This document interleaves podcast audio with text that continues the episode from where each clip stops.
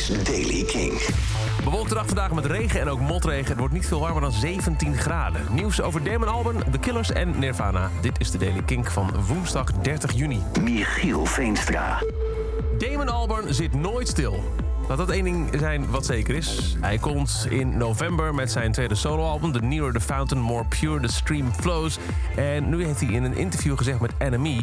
dat hij daarnaast ook bezig is aan een nieuw Gorillaz album. Carnival-themed music noemt hij wat erop komt te staan. Terug naar de spirit van het allereerste album van Gorillaz. Oké, maar...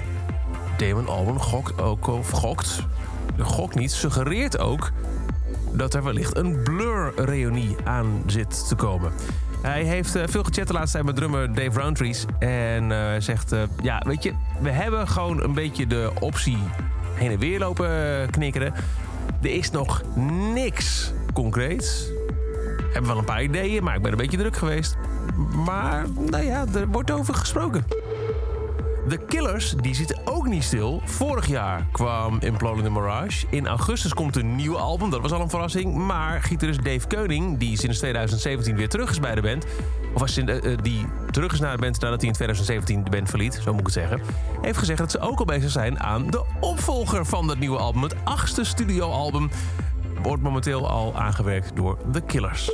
En gefeliciteerd Nirvana. Smells Like Teen Spirit heeft een miljard streams op Spotify gehaald. En daarmee is het uh, een van de ongeveer 150 nummers die bij de miljardclub zit. Er zitten heel veel classics in, zoals bijvoorbeeld uh, Bohemian Rhapsody... Another One Bites the Dust en Don't Stop Me Now van Queen. En bijna op de 1 miljard twee andere rock giganten. Sweet Child of Mine van Guns N' Roses zit rond de 975 miljoen plays. En Back in Black van ACDC op de 800 miljoen. En dat is zover de Daily Kink. Elke dag een paar minuten bij met het laatste muzieknieuws en nieuwe releases. Niks missen? Hoeft ook niet. Als je elke dag luistert via de Kink-app, kink.nl of je favoriete podcast-app. Vergeet niet te luisteren elke avond om 7 uur naar Kink... voor nog meer muzieknieuws en nieuwe releases in de avondshow Kink in Touch.